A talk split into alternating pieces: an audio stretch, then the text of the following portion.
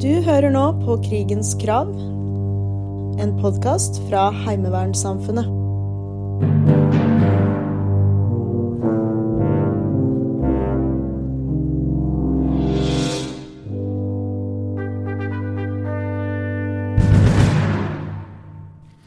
Velkommen til eh, Heimevernssamfunnets samtaleserie Krigens krav. Eh, I Krigens krav snakker vi om eh, aktuelle temaer innen militært lederskap. I denne episoden har vi fått med oss Geir Ove Venemyr fra Høgskolen i Innlandet, og vi skal snakke om trening og øving. Vi kan allerede røpe at trening og øving virker, og hvordan den planlegges og gjennomføres, betyr mye. Eh, velkommen, Geir Ove, og tusen takk for at du stiller opp i Krigens krav. Eh, kan du fortelle litt om deg sjøl, bakgrunnen din og, eh, og, hva du driver med nå? Det kan jeg gjøre. Mitt navn er Geir Ove Venemyr. Jobber på Høgskolen Innlandet Rena, der vi har en bachelor i beredskap og krisehåndtering. En deltidsbachelor under organisasjon og ledelsesparaplyen som har fokus på ulike fag knytta til beredskap og krisehåndtering. Både før, under og etter en hendelse eller en krise. Da har vi også to veldig populære års- og halvårsstudier. Om noen er interessert, kan jeg sjekke inn.no. Eh, men jeg har kun jobba på Rena siden 2016. Før det var jeg 23 år i Forsvaret. Først som infanterist, deretter en eh, kort karriere som kystartillerist før det ble nedlagt. Og jeg fikk så vidt med meg starten av Kystjegerkommandoen før jeg da etter å ha tatt en master i organisasjon og ledelse, jobba de siste ti åra mine i Forsvaret med ledelse, team, øving, veiledning på Sjøkrigsskolen og på Forsvarets stabsskole. Og nå er jeg helt i startfasen på et doktorgradsprosjekt der jeg ønsker å forske på økt effekt av trening og øving, også i sivil sektor. Det var vel kort om meg. Jo, takk for det. Jeg tenker, eh, Serien vår den heter jo 'Krigens krav'. Eh, så tenker liksom å, å, begynne å spørre deg, hva, hva tenker du når, når, du hører 'Krigens krav'? Ja, Da tenker jeg jo så mangt, men kanskje først og fremst en, en slags ekstrem omgivelse. Altså at noe dimensjonerer noe for noe som er ekstraordinært. En kontekst som er annerledes enn det man kan oppleve i hverdagen alt blir på en måte mer eh, ekstremt i forhold til hva det forventes av en offiser, for å si det sånn. Eh, og siden dette er en, eh, en samtaleserie knytta opp mot, mot, ledelse, så tenker jeg jo det at det blir ledelse under ekstreme forhold. og alt blir på en måte mer hektisk når jeg sier mer ekstremt, så tenker jeg altså kortere tidsfrister. mer Dette med beslutningstaking blir mer pressa på tid, men også på, på, konsekvensen av beslutningen, eller konsekvensen av ikke å ta en beslutning. Altså det er et handlingsfokus. Det handler om å, å, å ta beslutninger på, på tynt grunnlag, men med, med et krav om, om, raske beslutninger. Altså krevende eh, ledelse krevende omgivelser, eh, tidspress, eh, potensielt store konsekvenser. Det er vel det jeg først og fremst tenker på når jeg tenker på krigens krav. Mm. Hvordan tenker du at uh, temaet i dag, da, uh, trening og øving, henger sammen med, med krigens krav? Jeg tenker det er på en måte en, en, av de viktigste løsningene for å kunne fungere i en sånn kontekst. Fordi at det er jo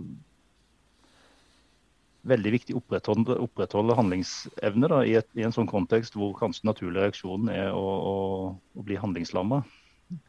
Så det, For å opprettholde handlingsevne, tåle det her stresset og, og, og, på en måte jobbe med å opprettholde situasjonsforståelsen, så må det trenes på, rett og slett. Så, så eh, Når jeg sier trening og øving, så bruker jeg de begrepene litt om hverandre. Det er ikke alle som definerer det sånn, men det kan vi kanskje komme litt tilbake til. Men at uh, at det er en måte å lære seg å håndtere krigens krav på, det er rett og slett å trene og øve. Man kan jo selvfølgelig også tenke krigens krav i forhold til fysikk og psykisk eh, beredskap eh, for helse, så, så, det må jo også trenes på. Man trener både fysisk form og, og psykisk form i form av mestringstro og, og eh, selvtillit i rollen. Så øving og trening helt sentral for å håndtere krigens krav. Spør du meg. Absolutt. Du var jo inne på dette med begreper. Vi kan jo kanskje avklare noen av de begrepene nå før vi jobber oss videre inn i emnet. De, det er jo tre begreper som står sentralt i Forsvaret generelt. Det er jo dette med utdanning, trening og så er det øving. Eh, hvordan er det med eh, Hvordan definerer dere i akademia eh, de tre begrepene? Ja, vi jeg pleier å si at her, i og med at si, studentene mine på Arena kommer fra hele Beredskaps-Norge, inkludert både Forsvaret og politiet, så har vi ulike definisjoner. Men eh, vi lener oss litt på DSB da, for å ha noen eksempler. Direktoratet for samfunnssikkerhet og beredskap de har en definisjon der de tenker trening som individers kunnskap og ferdigheter som prøves og videreutvikles, mens øvelser er organisasjoners kunnskap og ferdigheter som, eh, som prøves og videreutvikles. Så de skiller altså mellom individ, individuell trening og organisatorisk øvelse. Men her vet jeg at det gjøres uh, ulike definisjoner. Og, og, det tenker jeg har ikke så mye å si, så lenge man vet internt hva man legger i begrepene. Ja, nettopp. Og i Heimevernet så har vi jo eh, Eh, begrepet utdanning som vi bruker om, eh, om det å tilegne seg ny, ny, kompetanse, ny kunnskap. Der man f.eks. går fra lagfører, tar et kurs og blir eh, troppssjef. Man tilegna seg noe ny kompetanse. Og et nytt nivå, f.eks. Og så har vi trening. Der er er jo gjerne det at du, du trener på spesifikke eh, elementer. Og du kan gjerne starte på nytt og ta det i eget tempo, sånn at du, eh, du får det læringsutbyttet som du, som du ønsker til slutt. og så igjen i øvingsbegrepet så simulerer man operasjoner. Så da skal man altså planlegge, gjennomføre og, og iverksette da operasjoner som avdeling. Det er vel kanskje grovt sånn vi deler inn i i Heimevernet og Forsvaret. Ja, og, og der, der, er det en liten, også en liten forskjell på den definisjonen av øvelse. for jeg er veldig glad i DSB sin definisjon, for de definerer øvelse som planlegging, gjennomføring, evaluering og oppfølging i etterkant av en tidsavgrenset eh, aktivitet der osv. Så, mm. så Så eh, fordi at det, det, viser seg jo det at eh, vi er flinkere til å planlegge og gjennomføre øvelser enn vi er til å analysere behovet for øvelser og, og faktisk lære og tilbakeføre den kunnskapen man har identifisert under en øvelse. Men det skal vi nok komme litt tilbake til. Absolutt. Det, det, det med treningsbehovsanalyse det regner jeg med at det blir et sentralt tema videre her nå om litt.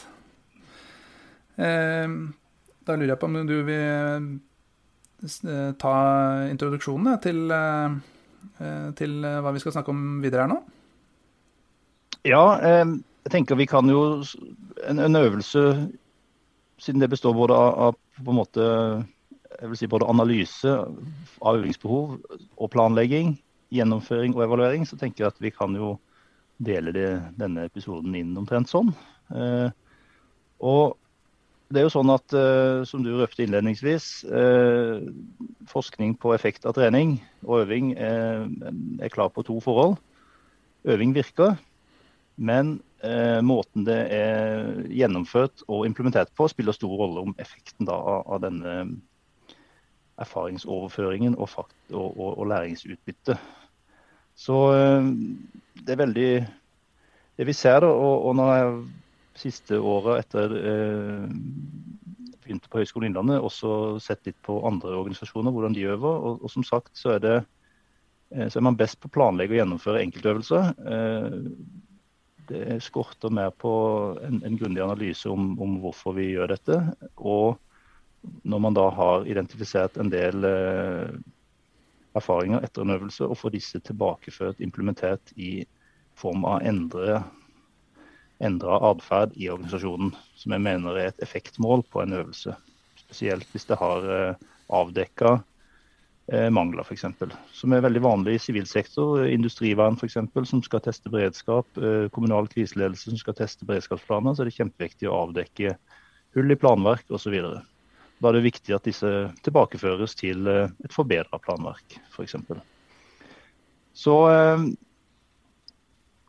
eh, skal man si eh, Ofte så det, stuper man nok litt lett inn i, i scenarioplanlegginga direkte. fordi det er gøy og det er spennende, og man har veldig klare tanker om hvordan denne øvelsen ser ut, kanskje visuelt. Man har god tilgang på ressurser, enten om det, om det er bilvrak eller gummidekk, eller og tenker at her er det dette som, eh, som vi skal øve på. Men så, så, er det ikke alltid at det bygger på en helhetlig kompetansebyggingsplan i forhold til hva vi trenger.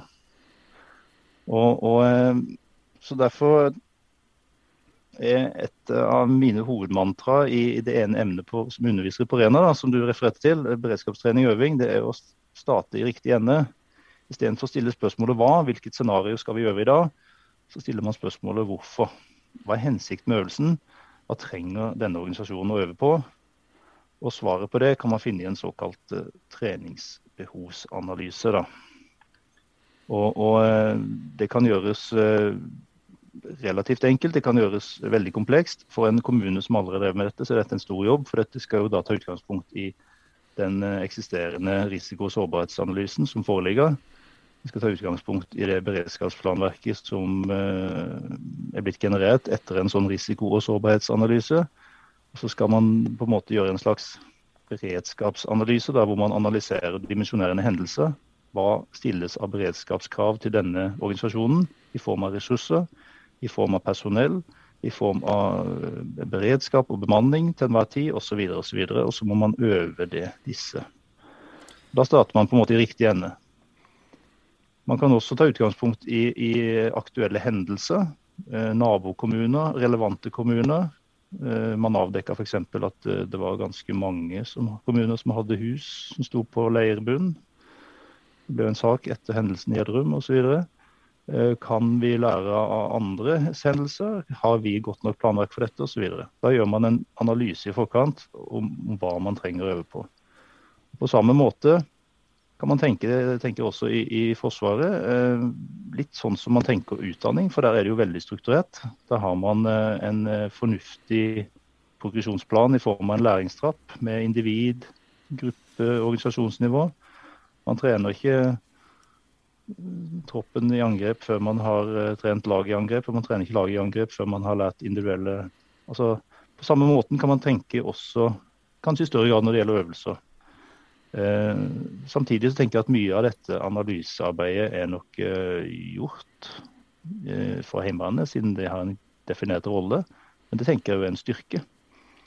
Men da, da vil denne eller treningsbehovsanalysen det er jo egentlig en gap-analyse i forhold til hva bør vi kunne, hva krever på en måte disse kravene til oss at vi kan, versus hvor står vi i dag. Det er jo et stort spørsmål, og da må man gjerne ha litt, litt hjelp til å bryte dette ned.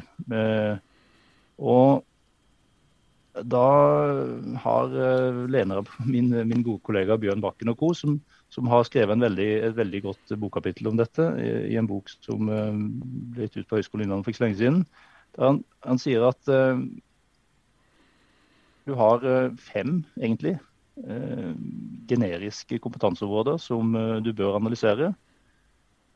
Eh, og så har du en sekkepost som vi kaller profesjonsspesifikk kompetanse. og Det har vi alltid på en måte alltid finnes SOP på. Alt det, det, det som er særegent for f.eks. Heimevernet.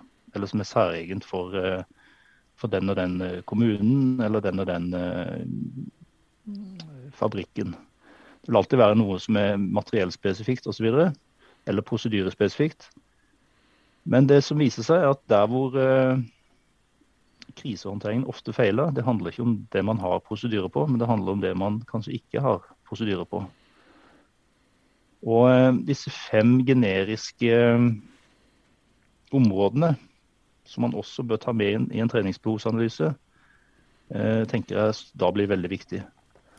Eh, og, og si, Høgskolen Innlandets forslag til, til disse er, er situasjonsbevissthet. Det å, å, eh, trene på dette. Eh, bygge felles mentale modeller på hvordan vi opererer sammen, hvordan bli kjent. Men også hvordan ny kunnskap om situasjonen deles, gjøres felles, gjøres kjent. Kjempeviktig å trene på. Fordi det er på en måte dimensjonerende for all beslutningstaking at man har riktig situasjonsbevissthet. SA. Så går det på organisering og ledelse. Hvordan er man organisert? Eh, er vi hensiktsmessig? Kan vi stå over tid? Eh, hvordan ledes prosedyrene? Vi har oppdragsbasert ledelse i Forsvaret. Det er jo en måte å frigi kreativitet og, og, og flere hoder tenker innenfor intensjonen. Blir dette utnytta, eller blir vi detaljstyrt f.eks.? Kjempeviktig. Mm. Samarbeid og teamprosesser. Prosesser i og mellom team. Eh, ofte kan man se godt samarbeid i ett team, men dårlig samarbeid mellom team f.eks. Dette med intrateam-samarbeid. Kjempespennende. Forsker ganske lite på. Veldig mye fokus på at det enkeltteamet skal bli supereffektivt. Men hvordan, når man da går inn i sin egen boble og tror man er verdensmester, hvordan samvirker man da med på tvers av team når det er viktig? Samvirke er jo stort sett samarbeid på tvers av team, i hvert fall i større hendelser. Det er vel også et tema som blir mer relevant og mer omfattende når det er snakk om litt større organisasjoner. Da. Mm. Og Spesielt det som du snakker om, eh, samarbeid på tvers av etater. Og Heimevernet så er jo det eh, aktuelt i mange sammenhenger. Og samvirke med både eh, politi og andre militære militæravdelinger og helse osv. Så, Mm. Så det, det, å få, som du også nevner, dette med situasjonsbevisstheten. Og hvordan er det alle skal få en situasjonsbevissthet, en, en felles situasjonsbevissthet, altså på tvers av eh, ulike organisasjoner. Det er jo en utfordring. Nettopp.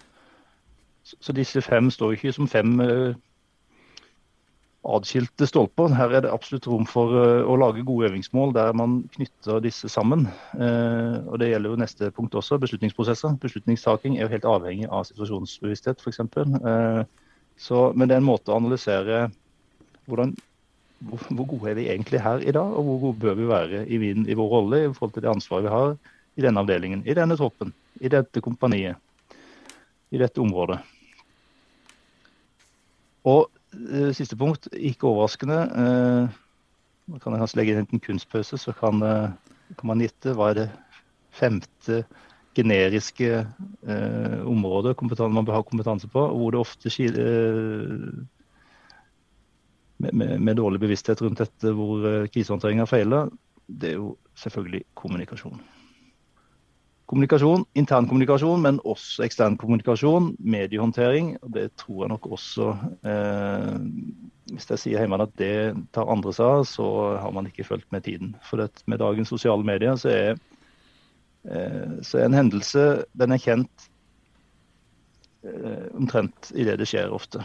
Så det har et bevisst forhold til, eh, til kommunikasjon. Eh, kommuner må ha en krisekommunikasjonsplan. De må ha en, en eh, tiltakskort. De må ha ferdigutfylte maler for varsling. Eh, hvis det kommer noe i drikkevannet eller det må sendes kokevarsel, så, altså er tida viktig her. Eh, altså, ting må gå ut kjapt. Eh, og, og, her er det eh, Så jeg kaller disse fem kompetanseområdene som veldig gunstige inn i en sånn analyse for å avdekke noen sånn øvingsmål knytta til prosess prosessmål. Og så har vi den eh, profesjonsspesifikke kompetansen som er på en måte mer resultatretta.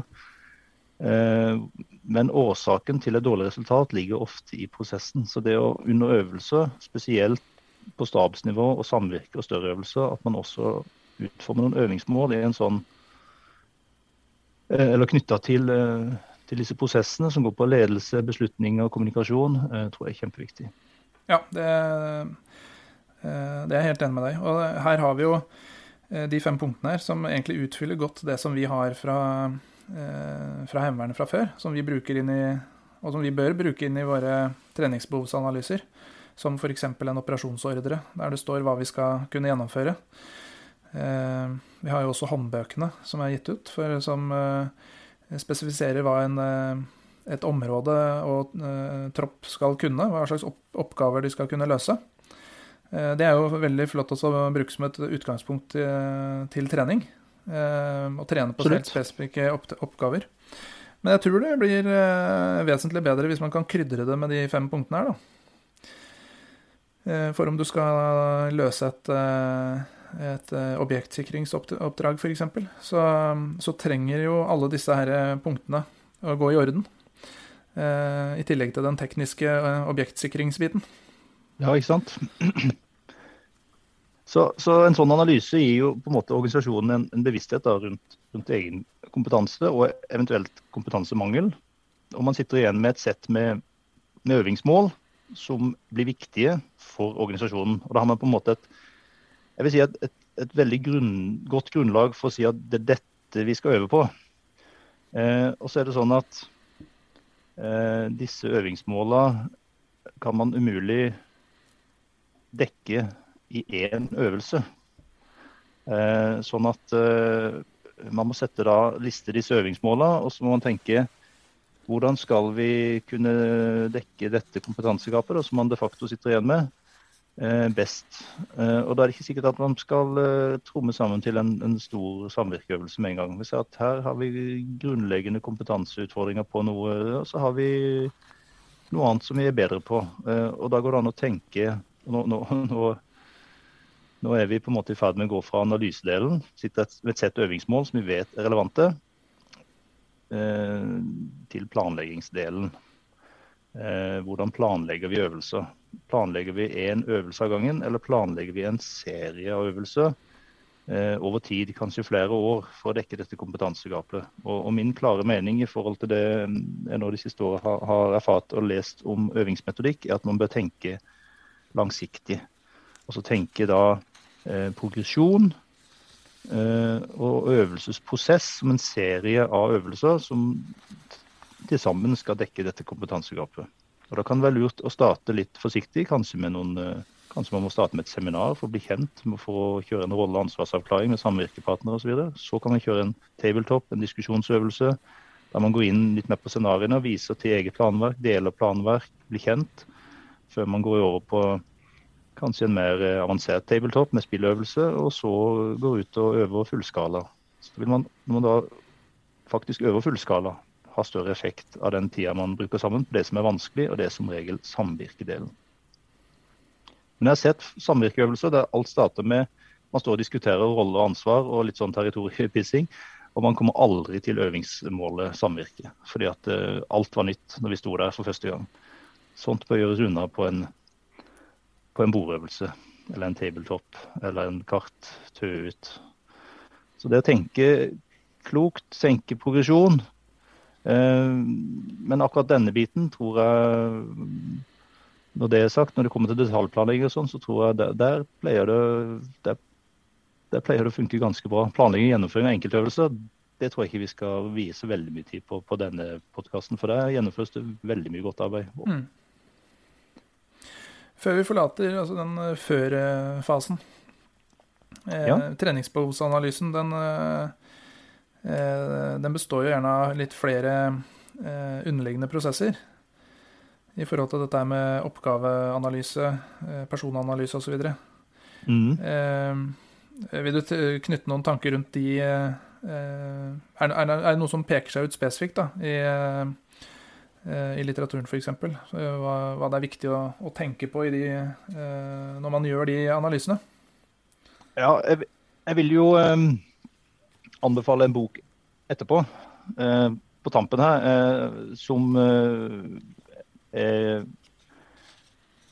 god på hovedtemaet. da. Den sier ikke så veldig mye om, om uh, denne analysen i forkant, men den refererer til en, en artikkel fra, fra, en amerikansk forsker som heter Salah Soko. Og, og han skriver litt om dette eh, i en artikkel der han tar for seg egentlig trening generelt, det som handler om, om uh, jobbtrening, trening i rollen. men den er også relevant for, for øvelser.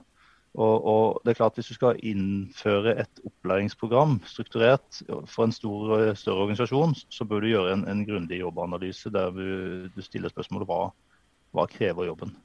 Og Det vet jeg at uh, har blitt gjort uh, i, i, Forsvaret også, i forhold til hva å lage en slags jobbanalyse for uh, den generiske offiseren, for den generiske befalselev, for jagerflypiloten, Sånn at man vet hva man skal selektere på. Fordi at det å bruke eh, Spesielt eh, når du snakker om kursvirksomheten, da, så kan jo det være attraktive kurs. Eh, Og, og eh, da bør man jo selektere riktig, tenker jeg. Eh, det kan jo også være en motivasjonsfaktor hvis det, hvis det er attraktivt å få disse kursene. Da bruker man også noe positivt inn i denne lærings, motivasjonen til å lære. Så, så en, en, jobbanalyse er, er, ikke dumt. Og, og, men det tenker jeg det gjøres jo i stor grad via, via seleksjonsprosessene i, i, Forsvaret og de oppdragene man har. Så jeg tror ikke man er tjent med at hver enkelt tropp gjør dette. dette her, her, må man ha en felles, eh, felles, krav. Men det tror jeg er godt beskrevet i, i Heimevernets dokumenter, vil jeg tro. Ja da, vi har dokumenter for det. Og, og, vi har jo også systemer for å følge dette opp, f.eks. gjennom befalsplan, som uh, sikkert mange er kjent med. Eh, i forhold til å holde trekk på hvilke kurs eh, den enkelte har fått, og hva slags kompetanse den enkelte besitter. I forhold til å planlegge eh, bemanning av, av stillinger osv. Mm. Men så har du også det der med, med, oppgaveanalysen. Den er jo også for så vidt ganske godt dekka opp i, gjennom de dokumentene som fins. Hva skal tropp, troppen kunne? Hva skal kompaniet kunne? Og så videre. Så det vi må tenke på her nå, det er jo rett og slett å, eh, å sørge for at vi planlegger eh, de riktige tinga, da. I, forhold til hva vi er svakest på, og hva vi faktisk ønsker å oppnå.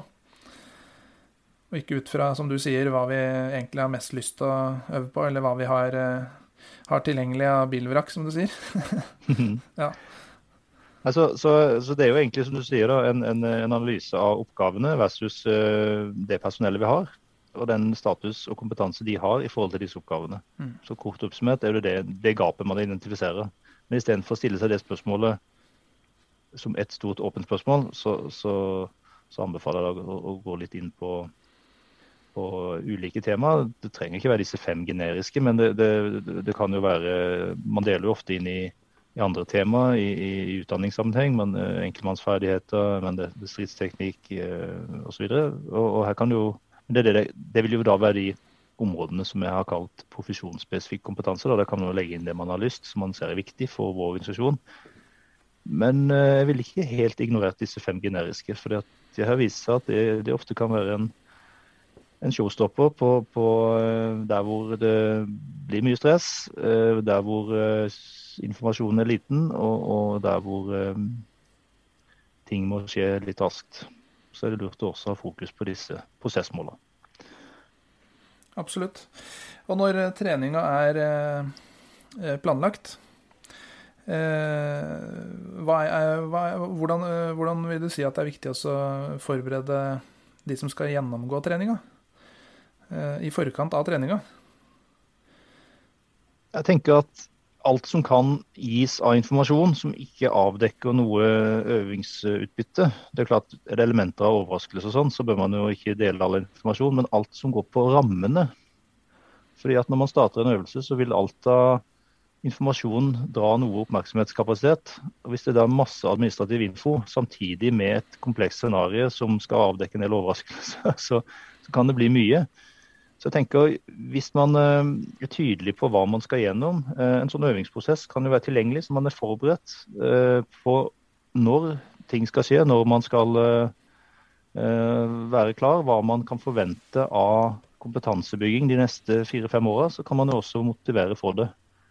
Så det at, at, at unngå sånn å holde ting skjult og hemmelig, for det, det vil ofte være mindre motiverende. Så det å, å, ha god struktur på denne øvingsprosessen, god kommunikasjon, jeg tenker jeg er første bud. Eh, og så handler det også om å, å, å, legge opp en fornuftig progresjon, som jeg sa, sånn at man eh, ligger i en sånn såkalt eh, flytsone, der man er, har passe mengde utfordringer eh, og passe mengde mestring.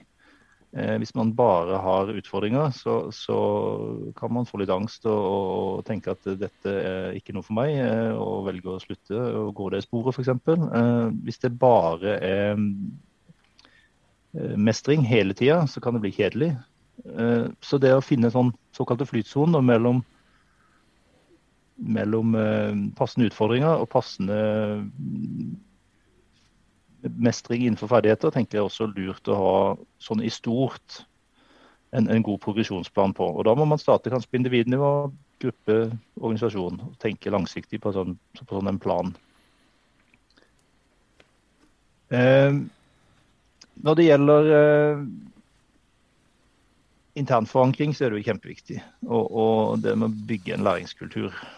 Eh, og der er jo lederen første bevega. Altså lederen Selv om en, en eh, organisasjonskultur er vanskelig å for en enkelt leder å endre, så er det jo ikke umulig. Og, og man vil jo alltid være en slags uh, foregangsfigur for den kulturen man skal være leder for. Så det å være eksempelets makt i forhold til dette med trening og utdanning, støtte det, motivere for det,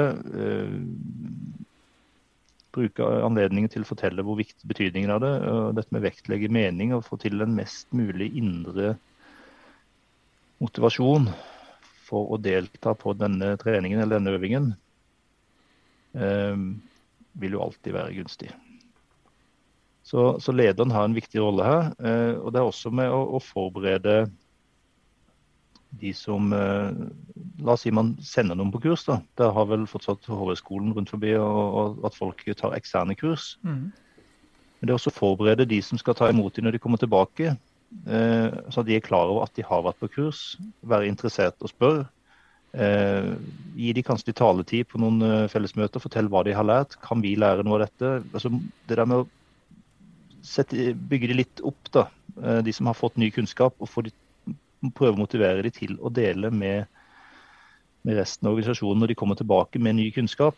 Da begynner man å snakke om å uh, nærme seg organisasjonslæring og en lærende organisasjon. Og man får et, et slags Det med å være nysgjerrig og lærende er, er, noe positivt. Og det er noe som blir verdsatt. Det blir uh, altså ikke nødvendigvis i, i, form av lønn, men at det blir liksom frem, trukket fram og, og, og gitt uh, ros. At folk kommer tilbake med ny kunnskap og deler det Motiverer til deling, tror jeg er kjempeviktig. Eh, så det å vite at noen faktisk har fått ny kunnskap, informere som leder og informere de eh, som eventuelt er mellomlederne disse, eh, og si at nå kommer han eller hun tilbake med ny kunnskap. Ta en prat, se om det er noe vi kan gjøre, kan vi endre noe av våre rutiner osv.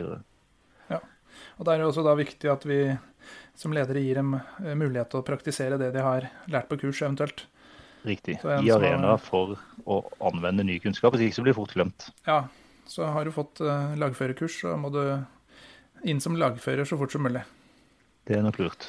Jeg leste en annen ting som jeg syns var veldig spennende, og det er jo dette med hvor viktig det er at at din nærmeste leder er engasjert i det du skal trenes i, og den utdanninga du skal få.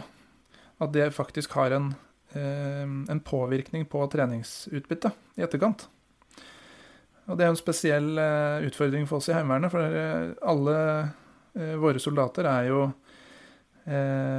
både, har jo både en sivilsjef og en militærsjef. Så jeg, det holder på en måte ikke at jeg som områdesjef er, er veldig engasjert i at vi skal trene, eller noen skal på kurs og lære å bli troppssjef, f.eks. Eh, vi, får, eh, vi hadde kanskje fått et enda større utbytte hvis eh, den sivile delen av det hadde sett mer nytten i det vi driver med. Da. Hva tenker du om det? Det, det er iallfall i tråd med å si, hvordan man bedre kan implementere det man har lært på et kurs. At, at man har støtte i, hos, hos, alle ledere, og, og også som du sier, at uh, man motiverer til det. Og så tenker jeg det også har noe med den forpliktelsen man gjør når man drar på en utdanning. Da. Hvis man vet at uh, sjefen er informert, så forplikter man også å, å, å levere i, si, under utdannelsen, fordi at man vet at det blir stilt krav når man kommer hjem. Og Det er utrolig hva tydelige forventninger kan bety for uh, en avdelings jeg pleier å si, Behandler du folk som apekatter, så får du apekatter. Behandler du folk med, med, med, med respekt og, og, tenker at alle her kan utvikle seg. Ikke alle like mye, men alle kan utvikle seg og bli mer f.eks. i en retning, så, så, vil man oppleve det. Mm. Så, så, eh, og litt sånn er det jo også til dette med, med kurset. Hvis det er, man sender folk på kurs og tenker at da Kanskje til og med sender de av gårde med en skyldfølelse at da må jo vi dekke for deg på alt som må gjøres. Eh, da har du det motsatte, tenker jeg, i forhold til at de kommer tilbake og ønsker å dele. Og Hvis man da i tillegg kommer tilbake og har to ukers etterslep eh, med forefallende arbeid som ingen har gjort, så er jo motivasjonen kanskje for å søke neste gang mindre osv. Så, videre. så det handler om å legge til rette forholdene. Og hvis man sier at man skal ha fokus på læring, skal være en lærende organisasjon, så må man legge til rette for det. Mm. Det nytter ikke å, å, si det igjen på, på julebordet og, og, så si at ja, fanken stikker du igjen. Eh, da må jo da må du påregne å ta dette igjen på kveldstid når du kommer tilbake. Da, da, da, da snakker, sier man ikke å gjøre det samme, på en måte. Mm. Og da, da, blir det jo bare tomme ord. Dette er jo en problemstilling som vi eh, i Heimevernssamfunnet har eh, eh, tenkt å ta tak i. Dette med kommunikasjon mot sivile, det sivile arbeidslivet. Og hva det sivile arbeidslivet kan få igjen for den utdanninga eh, HV-soldatene får i Heimevernet. Mm. Og nettopp av den grunn å prøve å motivere den sivile sjefen til å se nytten av å sende folk på trening og utdanning i Heimevernet. For nettopp å få den effekten du, du nevner. Så det blir, det blir spennende jobb å ta, ta, ta, tak i videre for oss, da. Ja, men uh, Ja, det høres jo spennende ut. Og jeg tror kanskje uh, forholdene for akkurat å, å, heve den delen uh, aldri, nesten dessverre, har vært bedre. Etter et år og halvannet med pandemi så, så begynner folk å se at det å Eh, at det, dette med beredskap, dette med, med krisehåndtering, dette med langtids eh, lavintensitetskriser berører også oss. Eh, er det noe her vi kan lære av noen? Har vi kanskje noen interne ressurser? Og, og, og altså, vi har jo Dette er jo nok litt på siden, men vi, det er veldig få utenfor på en måte det vi kaller Beredskaps-Norge, som har noe som helst uh, beredskap om, om, de skulle miste bunnen ut av hjørnesteinsproduktet sitt f.eks. Så, så at det er en uh, oppside her uh, på den biten, enten i form av litt sånn beredskapstenking, men også som du sier, det at man går en, en lederutdanning må jo være Altså, man kan jo praktisere det man lærer på et lagførerkurs, også i andre arenaer enn å være lagfører mm. i Heimevernet. Eh, Pixib funker også godt, den, i en, eh, som en prosjektleder i en eh, IT-bedrift, eller ja. Det, det er som regel lurt å være lur overalt, hvor enn man er i samfunnet. Absolutt. Ja, men Det er bra. Nå har vi fått dekka før-fasen ganske grundig, syns jeg. Eh, skal vi bevege oss til eh, under, undertrening?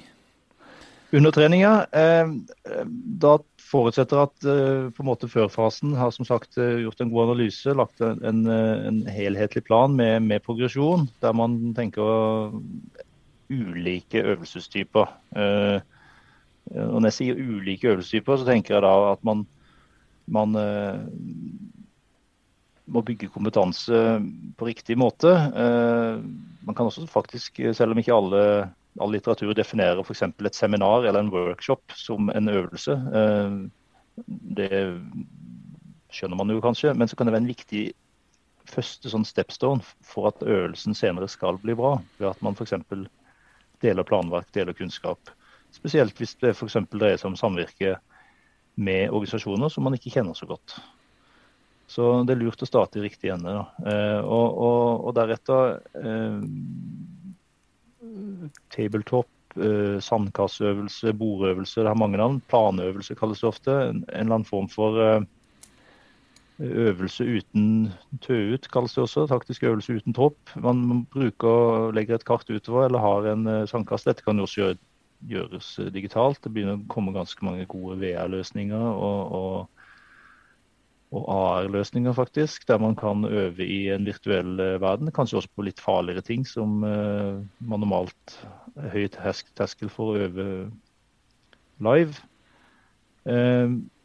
Men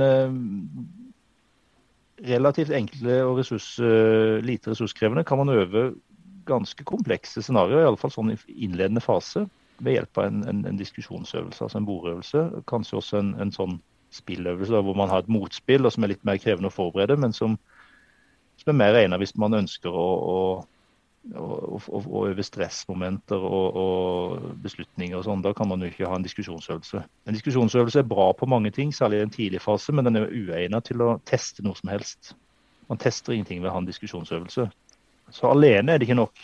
Men igjen, uh, the magic is in the mix. Altså dette med å ha, tenke helhetlig, bygge kompetanse lag på lag, og, og, og lære å, å, krype før man kan gå.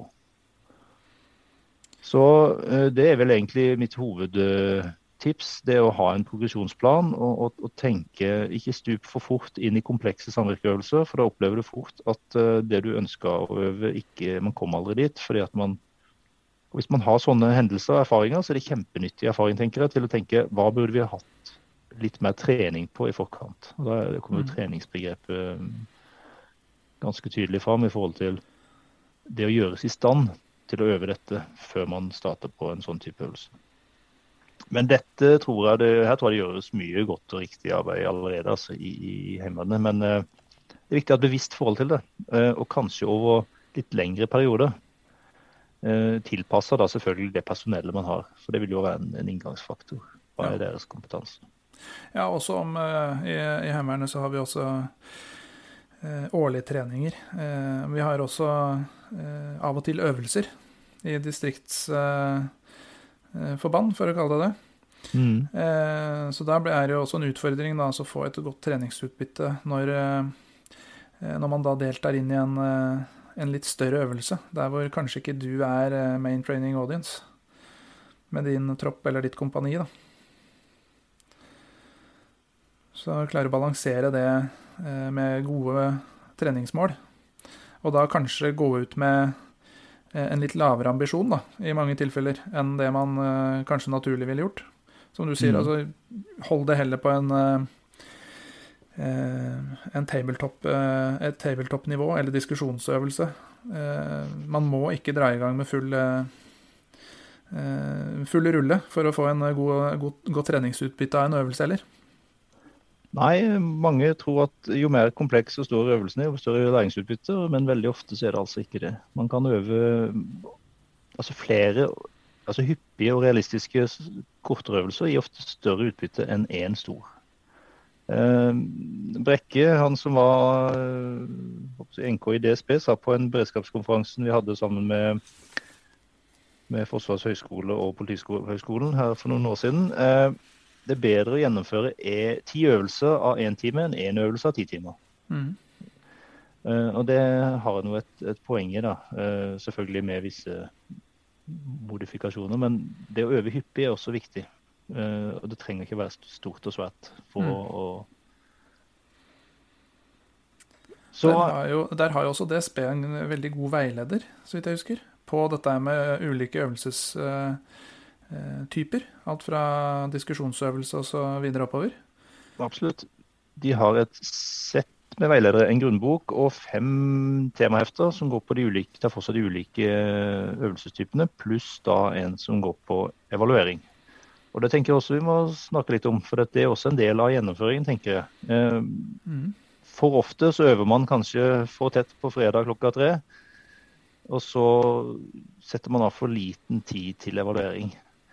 Eh, men skal du sikre at en øvelse har effekt, så må du på en måte måle den effekten. Da. Eh, og da det, peker det tilbake på analysedelen, det å lage gode øvingsmål som faktisk er målbare ha på en måte indikatorer eller evalueringspunkter knytta til som går an å se for en observatør eh, uten å måtte tolke for mye. altså Helst da knytta til observerbar atferd, altså evalueringspunkter som går an å, å, gi en slags vurdering om dette var en, god utførelse, en middels eller en mindre god utførelse, i, i det minste.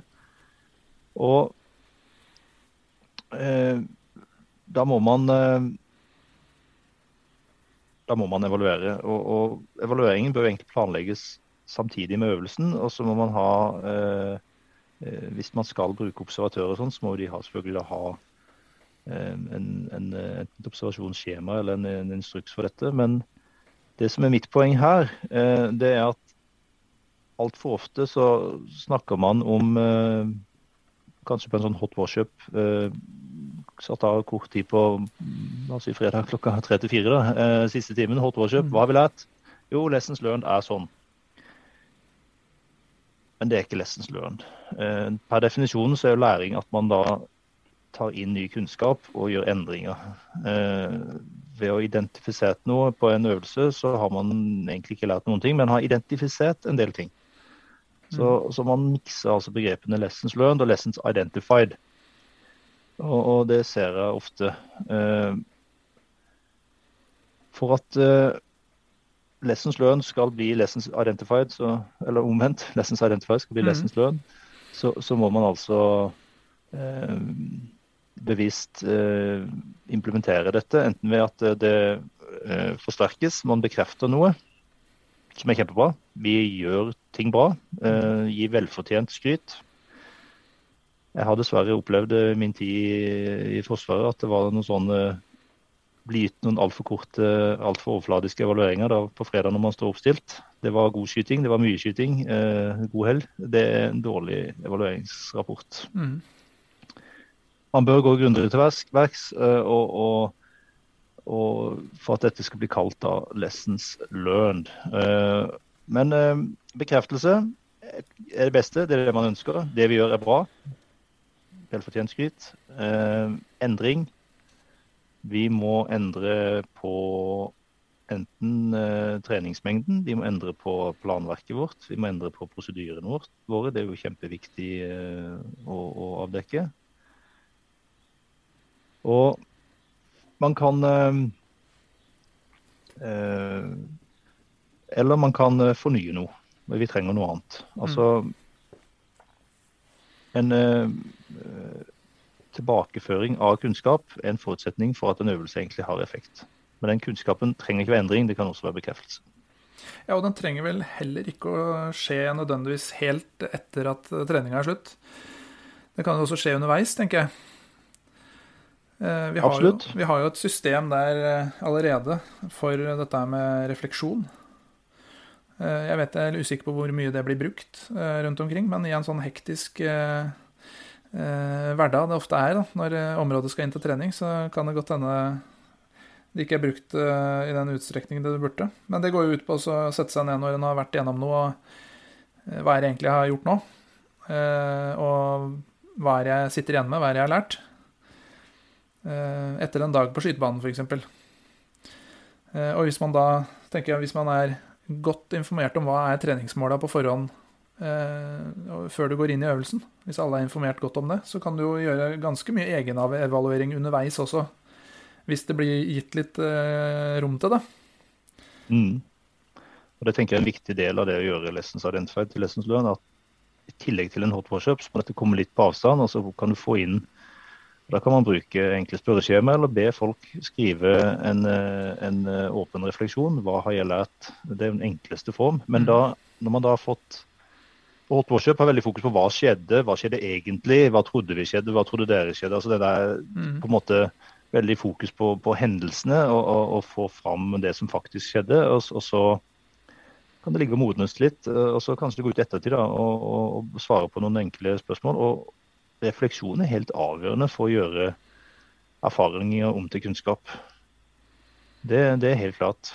Eh, det, men på det kan gjøres på en måte for deg ved at eh, prosedyrer endres eh, osv. Men det kan også gjøre på individnivå så er det helt klart at det er en, en, individ, en individuell greie. Eh, og det er jo på en måte kjernen i all, eh, all utvikling, om det er organisasjonsutvikling i form av kompetanseheving, eh, eller om det er personlig utvikling i form av f.eks. For lederutvikling eller medarbe bedre medarbeiderskap. Så, så krever det helt klart refleksjon. Kanskje til og med at den eh, litt sånn prosesshjelp for det, i form av veiledning, eh, kan være til hjelp. Men åpne spørsmål, gode åpne spørsmål etter en øvelse og, og, og en takhøyde, et ytringsklima for Nå er vi litt inne på dette med, med etterøving, hvordan få effekt av øvelsene. Dette med læringsklima, eh, tilbakemeldingskultur. Mm. Eh, tenker jeg er kjempeviktig for at øvelsene skal ha effekt i form av at erfaringene blir til kunnskap. Absolutt. Det, det er jo nærmest uh, uh, mulig å fylle en episode med tilbakemeldingskultur, går jeg ut fra. Ja, eh, tilbakemeldingskultur har vi jo i Forsvaret i mye større grad enn mange andre organisasjoner. I og med at det er noe man på en måte får inn fra, fra befalsskolenivå. Iallfall alle som har gått befalsutdanning er vant til, vant til det, og tar det også med til, til, til tjenesten. Så der har vi et veldig godt utgangspunkt, tenker jeg. Eller, eller dere i Heimevernet et veldig godt utgangspunkt. Eh, og, og, apropos hva man kan bringe tilbake til eh, den eh, sivile delen av jobben, så må jo nettopp eh, her være en del eh, gode poenger. Hvis vi kan kalle det et slags overføringsklima, da. Altså alle bedrifter er avhengig av å lære noe nytt. Og det at man har støtte og interesse fra ledelsen, som vi har snakka om, dette med organisasjonsklima, dette med ytringskultur, læringskultur, takhøyde, tilbakemeldingskultur. Eh, det tenker jeg er attraktive elementer for enhver arbeidsgiver. Mm. Så, så, eh, her tenker jeg noe av kjernen til hva det kan spinne videre på. På, på akkurat det ligger ledelse, klima, tilbakemeldingskultur, organisasjonsytringsklima osv. Mm. Nei, det er jo et økende fokus på både samfunnssikkerhet og beredskap, egentlig, eh, i hele samfunnet nå. Eh, og det har jo sikkert mye med, eh, med, med covid-situasjonen å gjøre, ikke minst. Men her besitter jo da HV-soldatene ganske betydelig kompetanse som kan brukes inn i sivile bedrifter, tenker jeg da. Og kanskje helt spesifikt på dette med trening og øving òg. Mm. Hva bør din eh, bedrift eh, trene på for å stå bedre rusta til å møte en eventuell eh, krise? da? Ja, vi, vi, har øvd med litt ulikt personell vi etter vi har, eller etter slutta i Forsvaret. Og, og, det er jo veldig nytt for de som for den vanlige bedrift. Men eh, det er klart, det finnes jo en del lovpålegg også i sivil sektor. Eh, spesielt i forhold til industrien. Hvis man har f.eks. kjemikalier, man har ammoniakk, kjøleanlegg osv., så, videre, så, er det jo, så er det jo krav til det. Og, og helt klart, det å ha litt grann beredskap Jeg mener man, når man starter på det vil jo gjelde Heimevernet, forhåpentligvis. Men, men, for enkelte bedrifter så starter man på he helt på skrets. Man har ikke peiling på hva man skulle gjort hvis, hvis det, det, tok fyr der eller det smalt der. Mm -hmm. Så det er for lite grann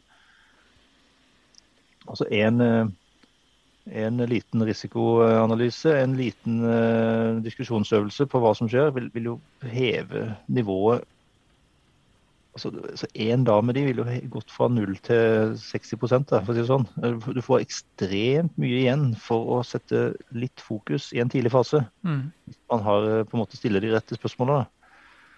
Og Det er vel kanskje noe av det kan overføre også til denne, denne konteksten her. Da, man, hvis man skal øh, gjøre erfaring om til kunnskap, så kreves det refleksjon. Så, og da må man jo gi rom for refleksjon, men det, det, er ikke alltid det bare å sette en mann med en penn og papir og si 'reflekter'. Altså, det å ha, stille åpne spørsmål mm.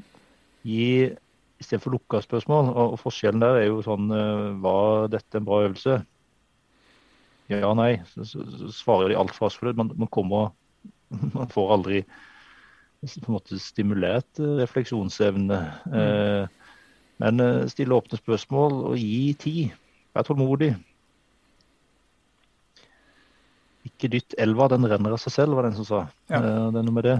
Eh, men et sett med åpne hjelpespørsmål. Hva gikk bra? Hvorfor? Mm. Istedenfor gikk dette bra? Ja, nei. Hva var utfordrende? Hvorfor? Det, det det stimulerer til refleksjon, og det vil, eh, en god diskusjon rundt dette. Da generaliserer man på en måte disse læringsmomentene da, som har kommet fram. En, en, person kan ha gjort en veldig viktig aha-opplevelse, mm. og hvis den blir delt, så, kan en, så, kan, så er det flere som kan lære av den. Og da, da begynner vi å snakke om at øvelsen har hatt effekter. Mm. Ja, det er flott. Da har vi vært gjennom eh, eh, de tre fasene. Før, under og etter trening. Vil du prøve deg på en, eh, en liten oppsummering her? Av de viktigste punktene vi har snakka om? En liten oppsummering. Ja, eh, tenk eh, øvelsesprosess som på en måte fem faser. Analyse. Hvorfor skal vi øve? Hvorfor, hva trenger vi å øve på? Eh, gjør en, gjør en gap-analyse, en kompetansekartlegging om, om hvor vi står med det personellet vi har i dag, kontra hvor vi bør stå i forhold til mål og krav fra omgivelsene. Sett opp et sett med øvingsmål, og så lage en helhetlig plan, en øvingsprosess som kanskje kan gå over flere år. Analyse. Planlegg øvelsen. Eh, eh, ta utgangspunkt i øvingsmålet. Velg en, eller en øvelsestype og et scenario som passer øvingsmålet. Ikke motsatt. Mm. Scenarioet er kun et middel. Scenarioet er ikke et mål i seg selv. Gjennomfør øvelsen. Evaluere øvelsen. Sette av nok tid. Bruke åpne spørsmål. Gi rom for refleksjon. Ta disse refleksjonene, still spørsmål av egen praksis, denne tilbakeføringsdelen. Skal vi endre sertifiseringer, godkjenninger, endre prosedyrer, endre kompetansekrav? Skal vi revidere planverk? Skal vi gi skryt fordi at dette gikk bedre enn vi hadde trodd? Absolutt. Mhm. Vi er veldig ofte opptatt av å avdekke, men uh, bekrefte er det beste man kan få. Bekrefte at man gjør ting bra. Mm -hmm. Og, og, men, da, men, den skryten man får da, vil jo være, tenker jeg, treffe mye bedre enn det som man gir på tomt, tynt grunnlag. Jeg tror dette gikk bra. Mm. Det, det, vil ikke ha samme, samme effekt. Eh, så eh, det fasene vil anbefale, sånn som uh, hva forskning sier er god praksis for øvingsmetodikk. Uh, de fasene uh, anbefaler å bruke, og det vet jeg mange, mange i Heimevernet gjør allerede. Men som sagt, det er en tendens til at man er litt bedre på å planlegge gjennomføring enn, enn de andre tre fasene. Analyse i forkant og, og evaluering og tilbakeføring. Og Det mm. kan man jo reflektere litt rundt. egen praksis. Så kan vi legge inn en liten kunstpause der. Ja, og så har vi jo dette med de, tre, de fem eh, punktene du nevnte eh, fra bakken. Som, ja. et, eh, som et, krydder eh, på toppen. Kan du gjenta de? Måte, de kan jeg gjenta. Disse fem eh, kompetanseområdene som, som, man bør for, i mer eller mindre grad tenker jeg da, bør, bør inngå i, eh, inngå i denne kompetanseanalysen. Det er situasjonsbevissthet, ledelse og organisering, samarbeid, beslutningstaking og kommunikasjon. Mm. I tillegg så tenker jeg det å, å ha fokus på, på en måte rammene før, under og etter øvelsen. At de er på plass. Og Da er vi egentlig mer på sånn generell læringsteori. Men det handler om å motivere for. Gjøre ting eh, kjent og tydelig. Eh, hva eh, hva ligger i kompetansebyggingsplanen i deg og din rolle? Hva kan du forvente av, av opplæring? Eh, tenker jeg Det kan jo også være stimulerende til å få til søkestillinger. Hvis du vet at altså skal, du bli, skal du bli S2, så er det jo stimulerende å vite at det ligger et eh, kurs på Luton f.eks. og venter. Eller mm. det forventes at altså det er en del av pakka. Så man kan gjøre det også mer attraktivt ved å være tydelig på hva som, som forventes. Undertrening, det med å ha riktig flyt. Ikke for vanskelig, ikke for lett. Eh, så vil man selvfølgelig ikke treffe alle alltid, men har i hvert fall et bevisst forhold til det.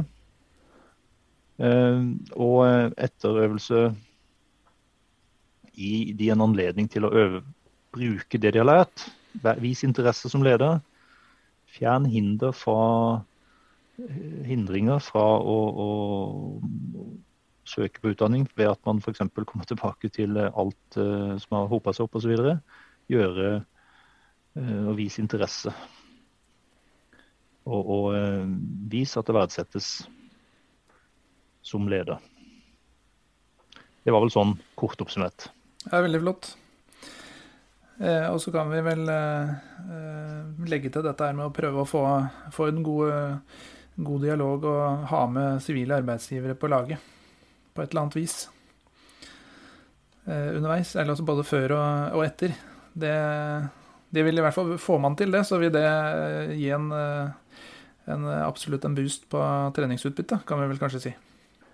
Ja, det, det er jo en litt spesiell situasjon. Da. Jeg har ikke tenkt på det sånn før, men, men absolutt. Uh, dette gjelder jo si, både en jeg tenker kanskje primært en militær sjef som er oppdragsgiver her, men, men i høyeste grad hvis uh, i hvert fall deler av dette kan oppnås også hos den sivile sjefen, så vil jo han eller hun være mer motivert til å sende folk bort uh, og, og, og vise meg interesse for hva som har skjedd når man kommer tilbake. Så, så det, det, høres ut som et fornuftig satsingsområde. Og at det fins elementer her som er relevant, som går på det det relasjonelle, ledelse, team, kultur. Helt klart. Og så har det fått litt drahjelp nå også av Kompani Lauritzen, sånn at dette har blitt sånn eh, eh det har blitt sånn snakkis, dette med samhold og ja. Så det kan Hvem vet? Kanskje det får noe drahjelp der òg. Da får vi benytte eh, anledninga og jobbe videre med, med, akkurat det temaet der i, i Heimevernssamfunnet. God idé. Eh, vi har jo et eh, prosjekt i Heimevernssamfunnet som heter Stridssekken. Det er eh, et prosjekt der vi prøver å samle tips og triks fra heimevernsfolk og andre bidragsytere som skal gjøre jobben til den enkelte heimevernsleder lettere. Har du noen tips du vil dele sånn på tampen? Tips og triks? ja det si, bør jeg vel ha etter, etter å ha snakka en time om, om, om, trening og øving. Eh, ikke, et sånt konkret tips som ikke vi har nevnt, er, er det å, å, bruke diskusjonsøvelsesformatet som en forøvelse til litt større øvelse. Mm. Jeg er veldig opptatt av eh, jeg sier at Effektive småøvelser er, er, er bra, men, eh, men, jeg ser ofte at eh, Eh, vi kan lide litt av f.eks. en for dårlig generalprøve. Eh, man starter opp. Eh, øvingsstaben som har planlagt øvelsen, er veldig inne i hele scenarioet, hele settinga. Og så blir innbrifen for kort, f.eks. Den blir for, for, enkel. sånn at når øvelsen starter, så sitter de som skal øve, igjen med 1000 spørsmål som er hvor halvparten av de er irrelevante i forhold til øvingsutbytte. Og, og man har begrensa oppmerksomhetskapasitet. Så for å sikre at man f.eks. For, for, for, å unngå at man kommer skjevt ut fra hoppkanten, da, for å si det sånn, i disse, spesielt disse mindre øvelsene, så, så er det viktig å, å, å, øve effektivt. Altså på eh, Da har man gjerne øver på et, eh, en sånn deløvelse.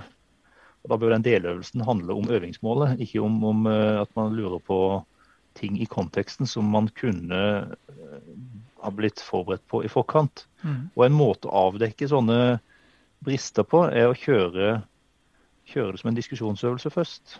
Eh, enten internt i staben eller med et, eh, en slags eh, relevant fokusgruppe som ikke kjenner scenarioet. Mm. Som, som, en slags generalprøve. Eller til og med, hvis det er en mer kompleks samvirkeøvelse man skal ut på, så kan man kjøre en diskusjonsøvelse først. Selvfølgelig ikke med overraskelsesmomenter og sånn, men, men f.eks. med en del åpne spørsmål. Hva sier deres planverk i forhold til en sånn scenario? Eh, hvem, eh, hvem har situasjonsbildet, hvem bygger situasjonsbildet hos dere, hvem deler dere med, hvem trenger dere informasjon fra? Altså en slags bruke diskusjonsøvelse som en forøvelse til en større øvelse eh, kan man ha stort utbytte av når man kommer til denne fullskalaøvelsen senere. For da har man tatt på en måte det grunnleggende rolle-, ansvars-, myndighetsavklaringen og andre ting. Mm. Så Det får være mitt tips til stridssekken, tenker jeg. Jo, tusen takk for det. Og dette er jo også relativt lite, eh, lite ressurskrevende ting som også kan avholdes eh, digitalt. Kanskje. Sånn at det, det er en, et enkelt tips som kan eh, gi veldig, veldig godt resultat og godt utbytte, tenker jeg. Absolutt. Det kan gjøres på en, en halvtime, time i Zoom eller Teams. Mm. Supert. Er det noe litteratur du vil anbefale til leselistene våre? Ja, det kom en ny bok i fjor eh, fra Morten Sommer, Bjørn Pollestad og Tommy Steines, som heter 'Beredskapsøving og læring'. Den, eh, den eh, syns jeg er god på vi, mye av det vi har snakka om i dag. Eh, den tar, den tar for seg til og med en egen modell om organisasjonslæring for beredskapsorganisasjoner. Nå er det ikke sikkert alle i Heimevernet er like opptatt av modeller som det jeg er, men, men den er godt skrevet og har relevans for både praktikere og akademikere, tenker jeg. Så den kan jeg anbefale. Eh, enda mer praktikerretta er jo disse DSB-veilederne som vi nevnte. De finner man på dsb.no. Eh, søk på veiledere og, og søkeord trening eller øving, så, så ligger det eh, en grunnbok som tar for seg grunnleggende begreper og, og, og øvingsdokumentasjon. Og så ligger det et metodehefte for for diskusjonsøvelse, ett for spilløvelse, ett for funksjonsøvelse, ett for fullskalaøvelse, samt et metodehefte for evaluering av øvelser. Og da retta mot store øvelser. Mm. Forhold til å male for evalueringsdirektiv, male for øvingsdirektiv. Så det har dere kanskje maler for, men uh, det er iallfall eh, eh, Hvis jeg skal øve med f.eks. en kommune eller sivile delen, så ser jeg hva Det er egentlig det de har å forholde seg til. Eh, det er det som ligger på DSB sine sider. Og det er jo veiledere da, som ofte mm. DSB opererer med. De, har jo, de stiller få krav, men de er flinke på veiledere. Ja. Ja, Det er veldig relevant, det. Og det er alltid godt også å se på litt uh, og få inspirasjon fra andre, andre uh, enn seg sjøl òg. Så selv om vi har, eventuelt har ting som ligner i Forsvaret, så er det absolutt relevant å se på og få litt inspirasjon utenfra. Og spesielt mm. kanskje for, eh, for eh, områdesjefen i Heimevernet, som har veldig tett uh, dialog og skal arbeide tett med kommunen. Og sivile etater gjennom beredskapsråd osv. Så, videre. så det er suverent. Et annet tips eh, å ta med relevante aktører tidlig i planleggingen. Jeg har sett eksempler på samvirkeøvelser der folk kom inn for sent og ikke fikk eierskap til øvingsmåla, eh, og, og øvelsen kollapsa. Eh, skal man samvirke, så må man ha med, og så må, man også samvirke i planleggingsfasen. Ja, absolutt. Hvordan ser du for deg veien videre innenfor dette emnet? Ja, det, det har jo ikke blitt mindre aktuelt den siste tida. Ehm, det som jeg har sett, eh, og for så vidt erfart selv også, vi har jo ehm, vi kjører jo øvelser med våre studenter støtter stadig ved bruk av Zoom ved hjelp av en sånn It's Learning-aktig plattform som heter Canvas. Vi kjører øvelser ved hjelp av VR. Jeg tror uh, i fremtida så tror av disse det jeg kaller mikroøvelser da, blir eh, kjemperelevant. Eh, og det vil skje i større grad digitalt. Kanskje man ikke trenger å ta fri fra jobben engang. Man kan sitte og øve på jobben. Man kan de, drive deler av opplæringen på e-læring. Eh, hvem vet? Mm. Jeg tror det vil skje en, eh, en liten innovasjon da, på den digitale siden, også for å det kan også kanskje være noe spennende for Heimevernet å se på. Det, om, om man, hva kan gjøres på e-læring, hva kan gjøres digitalt, og hva må vi faktisk ta folk ut av det daglige virket for å øve. Mm. Det blir, det blir Kanskje en brannfakkel, men Ja. Nei, Det blir veldig spennende å se. Og det blir også spennende å se videre på det doktorgradsarbeidet ditt i forhold til simulering, var ikke det? Ja, det er i hvert fall en del av det. Mm. Og kanskje hvordan få designøvelser for å få mest effekt av simulering. Hva kan simulering brukes til? Eh, jeg er ikke helt uh, uh, Dette er som jeg sagt i startfasen, men om fire år så kan jeg kanskje komme tilbake og fortelle mer om det. Hvor vi står da. Ja. Men apropos det, er, er det noen du nå kunne sett for deg å sende stafettpinnen videre til? I forhold til samtaleserien vår her, Krigens krav? Ja, jeg har jo hatt, vært så privilegert å ha så mange gode kollegaer. Eh, så jeg kunne nevnt mange her. Men sånn i forhold til tematikken da, i, og sånn som jeg så vidt har forstått dette, den samtaleserien skal ha litt fokus på, så tenker jeg at uh, operative team må jo være veldig relevant. Da har en veldig kollega, tidligere kollega En god tidligere kollega fra Sjøkrigsskolen, Stein Fossdal, han kan anbefale. Uh, vi har tema operativ ledelse, oppdragsbasert ledelse. Kan anbefale tidligere kollega Tommy Graberød. Han har også en doktorgrad innenfor temaet. Vi har en veldig god bok skrevet av beredskapslederen i Bergen, Ivar Konrad Lunde. Der har holdt på med noen spennende ting de kaller samvirkesentre, som er helt sikkert er relevant også for Heimevernet. Eh, Ivar er tidligere politimann, nå beredskapssjef i Bergen, har veldig relevant overlappende kompetanse, tenker jeg, på mye som HV er interessert i. Mm. Jonas Eriksen jobber i et firma som heter Proactiva, eh, og er god på noe som heter beredskapsanalyse. Han har også skrevet en bok som heter Teamtrening, eh, som også er litt relevant i forhold til dette med operative team. Mm. Kanskje han og, han og Stein sammen kanskje kunne vært en interessant, et interessant episode. Så flott. Takk for det.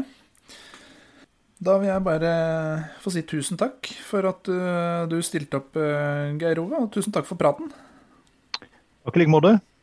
Og lykke til med podkasten. Takk for det.